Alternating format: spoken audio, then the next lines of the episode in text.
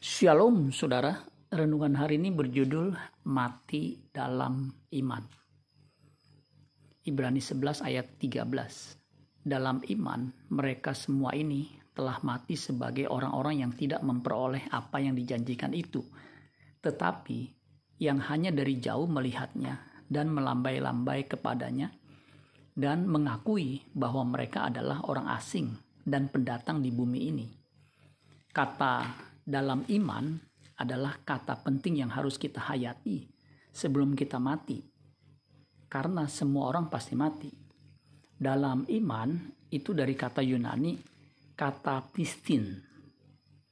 Kata kata adalah preposition atau kata depan, kata perangkat.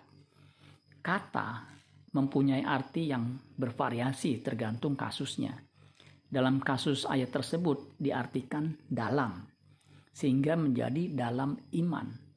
Kata ini, kata-kata, ternyata dalam aplikasinya berkonotasi frekuensi atau intensitas, sehingga kata ini juga dapat dimaknai day by day, each day atau daily.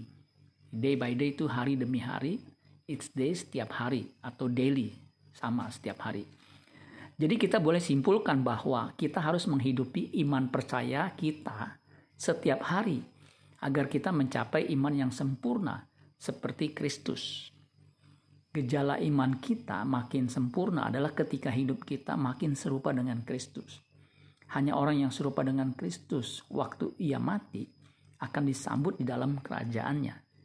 Itulah sebabnya Tuhan Yesus mengingatkan kita, jika ia datang, adakah ia mendapati iman di bumi? Amin buat firman Tuhan. Tuhan Yesus memberkati. Sola Gracia.